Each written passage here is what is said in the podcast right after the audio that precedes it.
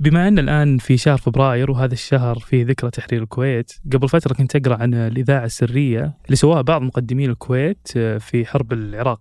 لأن أول ما دخل الجيش العراقي للكويت آه، أغلق جميع وسائل الإعلام. فقرر بعض المقدمين أنهم يسوون إذاعة سرية. مرة قدموها في بيت مرة قدموها في سيارة بحيث أن تطمئن الشعب الكويتي وهو في, في بيتهم. حتى أطلقوا أول خبر فيها اللي هي النداء الأول وكان فيه استنجاد للعرب. أن الكويت قاعدة يعني تحتل من قبل العراقيين. ف وهم كانوا يبثونها انتشرت فيها جملة كانت مطمئنة أكثر للشعب الكويتي كانوا يقولون فيها هنا الكويت فكانوا يطمنون أكثر. فبعدها انتقلت إلى السعودية الخفجي وصارت تبث من هناك بسبب تضييق العراقيين. عليه هذا بودكاست الفجر من ثمانية. بودكاست فجر كل يوم نسترد لكم فيه سياق الأخبار اللي تهمكم. معكم أنا فارس فرزان. وأنا ياسر بن فاني.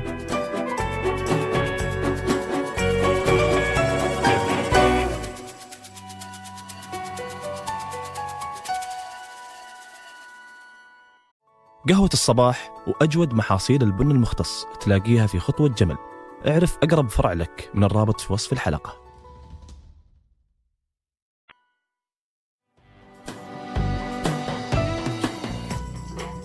لسنوات وجوجل يعتبر الرقم الأصعب في عالم محركات البحث.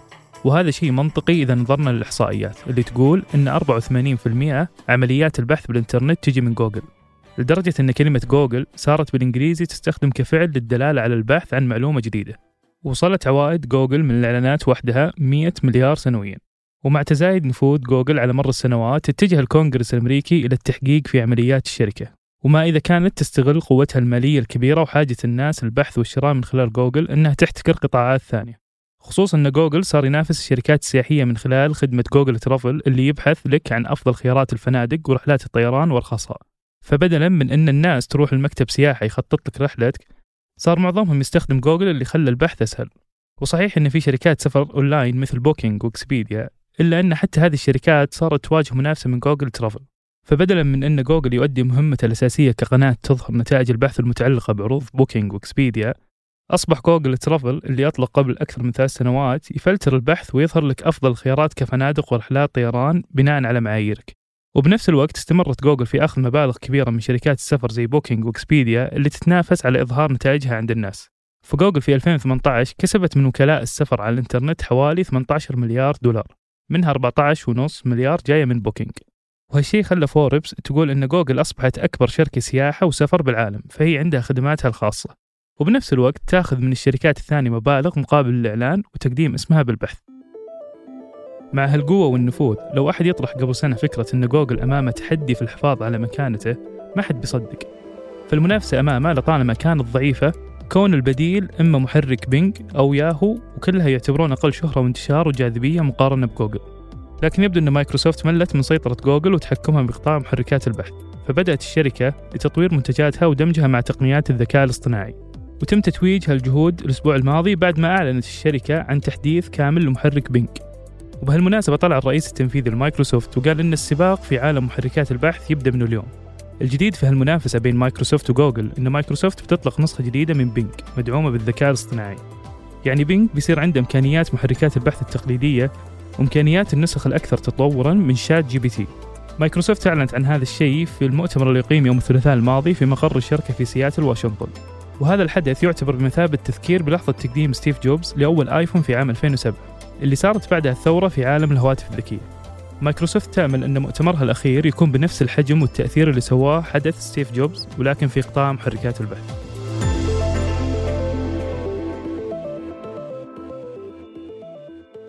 طموحات مايكروسوفت في إحداث نقلة بمجال البحث بعد سنوات من تعثرها ما هي بشيء جديد الشركة تستثمر من عام 2019 في شركة Open AI اللي ما اشتهرت إلا قبل كم شهر بعد ما أطلقوا شات جي بي تي.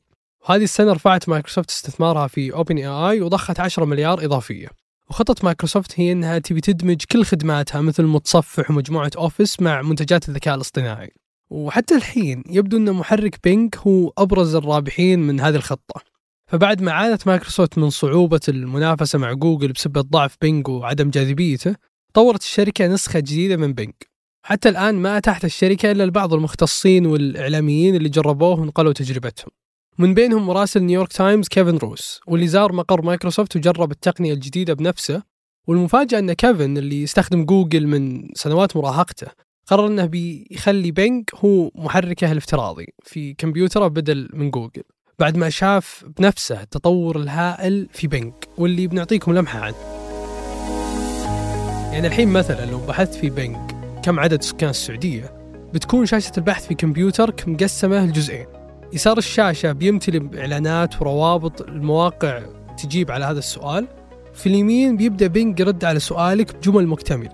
البعض بيقول طيب وش الجديد؟ يعني شات جي بي تي يسوي نفس الشيء. المميز في بينج إنه بيقدر يضيف لك روابط المواقع اللي أخذ منها هذه المعلومات وبيقدر بعد يعطيك معلومات حديثة عكس شات جي بي تي اللي من 2021 وقبلها. فلما كتبت في شات جي بي تي عطني معلومات عن الزلزال اللي صار في سوريا وتركيا رد البوت أنا آسف ما عندي معلومات عن زلزال أخير صار في تركيا وسوريا. لكنه ذكر معلومة عامة وهي أن الزلازل شائعة في هذه المنطقة وتسبب أضرار وخسائر كبيرة بالأرواح. لكن المتوقع أنه لو تسأل بينج نفس السؤال بيعطيك معلومات كاملة ومحدثة عن الموضوع وكذا مصادر تؤكد كلامه. لو في أحد سأل طيب ليه ما تطور Open AI شات جي بي تي بنفسها ويكون مثل قوة بينج وتكون أرباحها أكبر من دون شركة مايكروسوفت؟ الإجابة هي إن مايكروسوفت ابتكرت حل لمواجهه مشاكل شات جي بي تي وإمكانيته المحدودة. هو عبارة عن دمج لتقنية Open AI وتقنية بينج باستخدام أداة خاصة اسمها بروميثيوس واللي وظيفتها أنها تستخرج مصطلحات البحث اللي استخدمها الشخص والاستعلام عنها في فهرس بحث بينج وبعدين تبدأ تجاوب على السؤال باستخدام نتائج البحث بعد دمجها مع نتائج تقنية الذكاء الاصطناعي. وبحسب نيويورك تايمز فأداء بينج كان ممتاز أثناء البحث عن مواضيع مختلفة مثل ترتيب جدول السفر أو اقتراح أفكار هدايا وتلخيص الكتب وقصص الأفلام. مو بس محرك بينج اللي قاعد يمر بتطور هائل لأن متصفح مايكروسوفت إدج زودوه كذلك بتقنية الذكاء الاصطناعي. فتخليه ينفذ مهام كمساعد في الكتابة. فالحين يمدي الشخص يفتح نافذة في إدج ويكتب فكرة موضوع ويحصل على paragraph كامل ولا مقالة أو رسالة بريدية. أو يعني مجموعة أفكار مكتوبة بطرق مختلفة سواء كانت رسمية أو غير رسمية. تقدر تسولف مع بوت موجود في المتصفح تطلب منه يعطيك معلومات معينة أو تفتح ملف PDF تطلب من المتصفح إنه يلخص لك كامل ويسوي لك جدول يقارن بين بيانات الملف القديمة مع بيانات جديدة. أو حتى يقارن بيانات النتائج المالية لأكثر من شركة. ومع هالميزات الأكيد أن متصفح إدج بيكون عنده فرصة قوية عشان ينافس جوجل كروم واللي عنده الحصة السوقية الأكبر في سوق متصفحات الإنترنت. وهي تقدر بما يزيد على 50% مقابل 6% اللي هي حقت إدج لكن زي تشات جي بي تي النسخة الجديدة من بينج وإدج كذلك معرضة للأخطاء. ممكن تعطيك إجابات يقولها لك كأنها مسلمات وهي خطأ. فأثناء سؤال بينج لغز بسيط زي إذا كانت تكلفة طبق البيض من 12 حبة 0.24 دولار. فكم عدد البيض اللي تقدر تشتريه مقابل دولار؟ كانت الإجابة خطأ وبدل ما يقول 50 قال 100 ونفس الشيء لما طلب منه اقترح أنشطة مناسبة للأطفال في إحدى المدن خلال عطلة نهاية الأسبوع. كانت المقترحات لأنشطة وفعاليات قديمة من قبل أسبوع أو أسبوعين. حتى الحين ميزات بينج الجديدة ما هي متوفرة إلا على أجهزة الكمبيوتر اللي تستخدم متصفح إدج لكن مايكروسوفت عندها خطة أنها توسع استخدامه في أكثر من متصفح وجهاز. فبينج الجديد بحسب الخبراء مو بس هو محرك بحث أفضل من غيره من المحركات التقليدية. حتى مع المشاكل اللي تواجه النسخة الجديدة واللي تأكد الشركة أنها مع مرور الوقت بتختفي فبينج يمثل البداية لأسلوب جديد للتفاعل والبحث عن المعلومة في الإنترنت. مع زيادة تطور بينج وسرعة مايكروسوفت في استغلال الذكاء الاصطناعي يبدو أن الشركة قدام فرصة ذهبية للإطاحة بهيمنة جوجل على قطاع البحث بالإنترنت. رغم التنافس الكبير اللي بيصير وكذلك رغم التحديات التقنية والسلبيات اللي ممكن تواجه المستخدمين إلا أن أكيد هذا التقدم التقني بيكون دافع لبقية الشركات في أنها تطور منتجاتها وتقدم أفضل ما عندها للبقاء في هذا السوق. وقبل ما ننهي حلقة هذه أخبار على السريع. بحسب آخر الإحصائيات وصل عدد ضحايا الزلزال الأخير في تركيا وسوريا حوالي 25 ألف شخص. وذكر الرئيس التركي رجب طيب أردوغان أن تم العثور حتى الآن على 21848 جثة في تركيا. وفي سوريا بلغ عدد الضحايا 3553 قتيل وما زالت جهود الإنقاذ والإغاثة متواصلة وسط استنفار عالمي. وفي الخبر الثاني رفض الممثل الأمريكي إليك بالدوين تهمة الادعاء العام بأن ارتكب جريمة القتل غير العمد. في قضية إطلاق النار اللي راحت ضحيته مسؤولة في فيلم رست في عام 2021 بعدما استخدم بالدوين أثناء التصوير سلاح كان يفترض أن طلقاته غير حقيقية.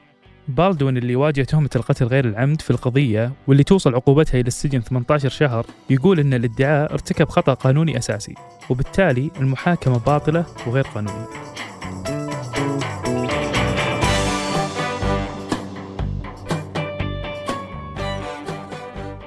أنتج هذه الحلقة فيصل جابر قدمتها أنا فارس فرزان. وأنا ياسر بن غانم. وحررها محمود أبو ندى. نشوفكم بكرة الفجر.